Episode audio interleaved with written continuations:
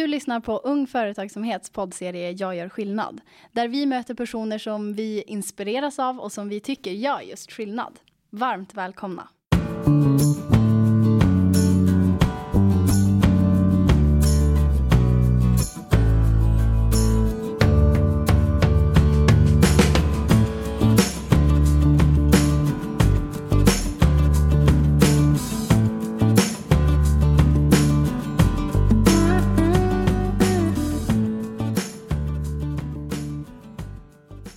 Han har varit med från första början, sedan starten i Västerbotten 1995 och engagemanget har aldrig svalnat. Tvärtom, som rektor på Västerbottens största, ja faktiskt Sveriges största gymnasieskola ser han till att entreprenörskap genomsyrar elevernas utbildning med både UF-företagande och egen temadag för entreprenörskap på skolan.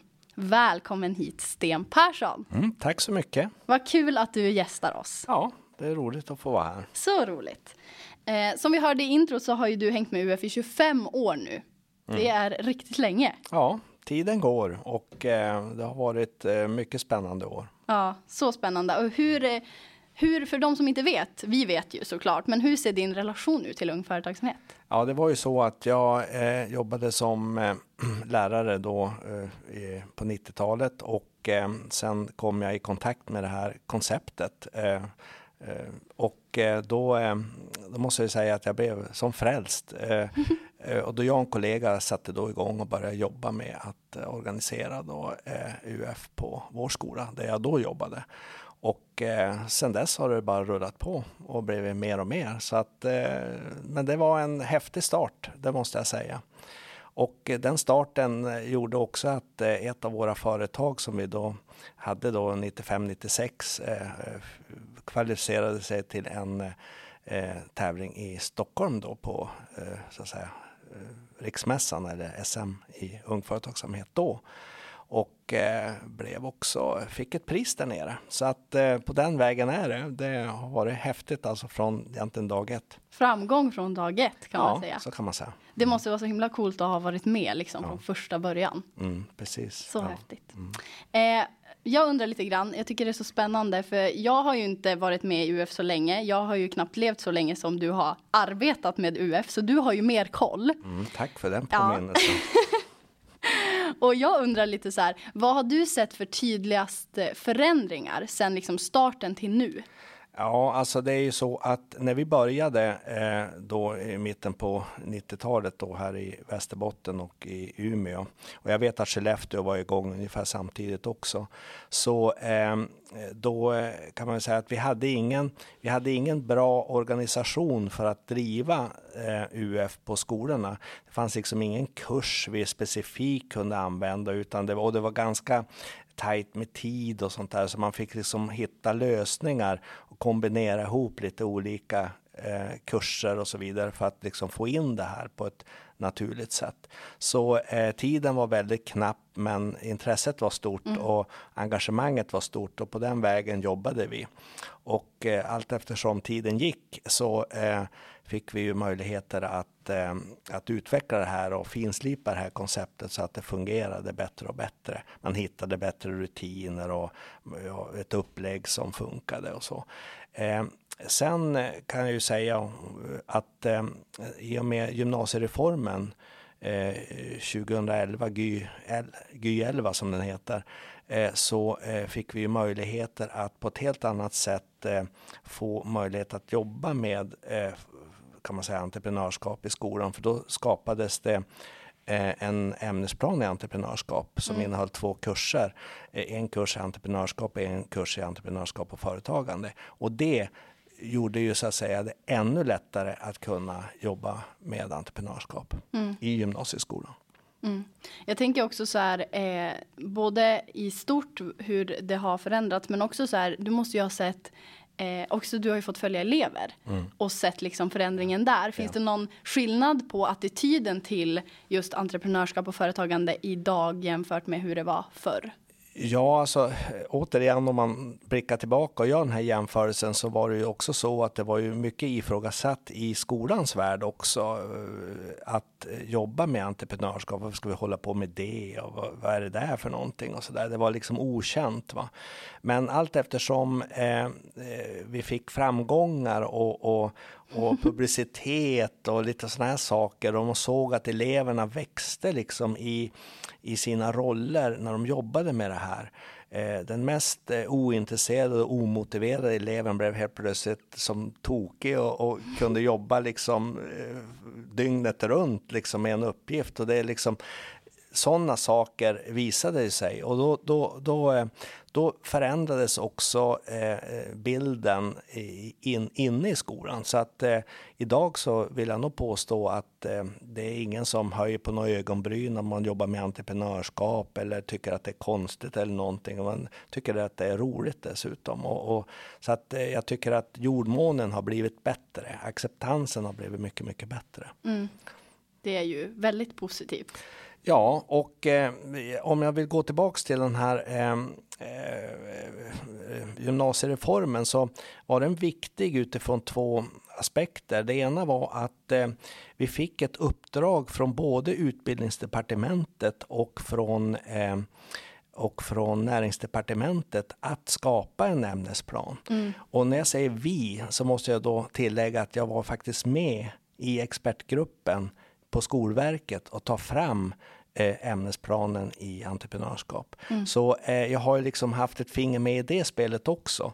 Och, och det var ju helt nytt. Va? Men det, finns, alltså det, fanns två, det fanns två vägar. Det ena var att vi måste alltså försöka stimulera eh, människor, elever i det här fallet, att eh, våga vara företagare eh, och att skapa liksom sin egen försörjning och inte förlita sig liksom bara på att vara anställd. Och, och det var den ena eh, delen. Och det andra det var att vi behöver människor som, eh, och utbilda människor som kan vara kreativa, som kan lösa problem, att inte stå handfallna när det uppstår saker och ting och förändringar i, i verkligheten. Och det behöver man ju oavsett om man är företagare eller man är anställd. Mm. Så att det fanns liksom två, två eh, delar i det här som eh, vi jobbade med och eh, det blev det vi testar idag och vi har jobbat med det nu i tio år och det verkar snurra på rätt bra. Det funkar ju riktigt, ja. riktigt bra. Mm. Eh, jag tycker att det är så spännande att Dragonskolan är en skola där, men först och främst att det är liksom Sveriges största gymnasieskola, vilket är sjukt häftigt. Mm. Men också att ni satsar väldigt mycket på entreprenörskap och har en temadag mm. Eh, mm. om entreprenörskap som jag ja. själv har deltagit i mm. och vet är liksom mm. jättehäftig.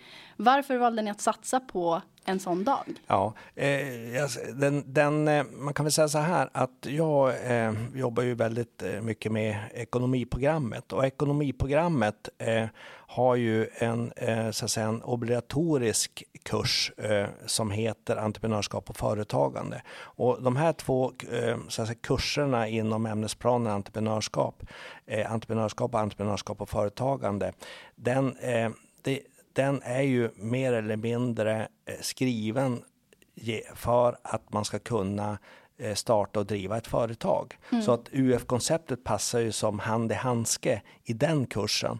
Och eftersom den är en del av eh, eh, innehållet i utbildning och ekonomiprogrammet så eh, kan man väl säga att eh, det gör ju också att vi jobbar med det väldigt mycket och då blir ju det en naturlig del i ekonomiprogrammet och därför har vi skapat den så kallade E-dagen. Det är egentligen ekonomiprogrammets eh, entreprenörsdag eller vad man ska kalla det. Va? Mm. Så att den är väldigt eh, kopplad till det. Men samtidigt så är det så att vi bjuder in alla andra runt omkring som driver entreprenörskap på Dragonskolan att delta och vara med mm. så mycket som möjligt i den dagen. Så att det blir ju som du säger en, en dag i entreprenörskapets anda. Mm. Så kan man säga.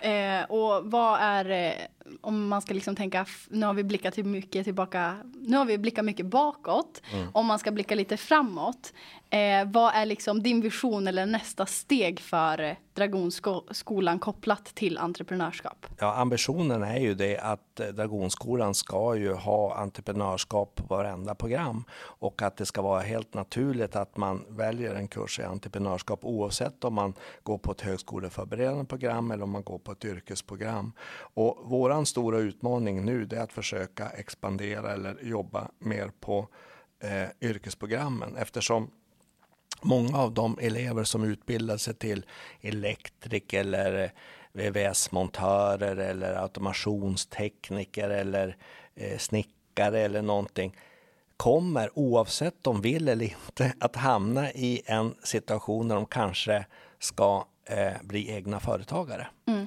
Eh, och det är inte någonting de kanske har tänker på i, under utbildningen, men de hamnar i det senare i livet. Mm. Vare sig de vill eller inte. De får ett erbjudande eller de bryter sig loss från en anställning och skapar något eget. Alltså, eh, och, och, då är det bra att ha det här i bakgrunden, alltså att man har det. Så att det är egentligen eh, våran utmaning och det är det vi ska försöka inrikta oss på nu de närmaste åren. Mm. Mm. Det ska bli sjukt spännande att följa den utvecklingen. Mm, precis. Eh, vi eh, tycker ju om dig jättemycket på UF och tycker att du liksom du hjälper eh, hela organisationen att lyfta och eh, dessutom liksom den här skolan som det mm. finns så mycket potential i men som redan är liksom så långt fram.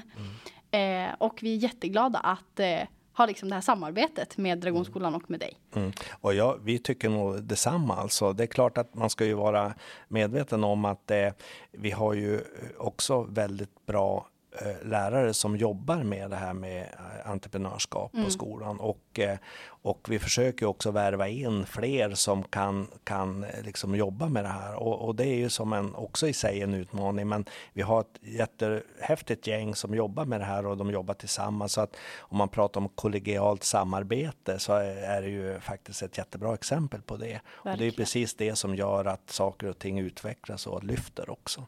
Mm. Och bli bra i slutändan. Och inspirera andra till att ja, haka på det här. Det också. Superviktiga. Mm. Du, tusen tack för att jag fick prata lite grann med dig Sten. Ja men tack så mycket.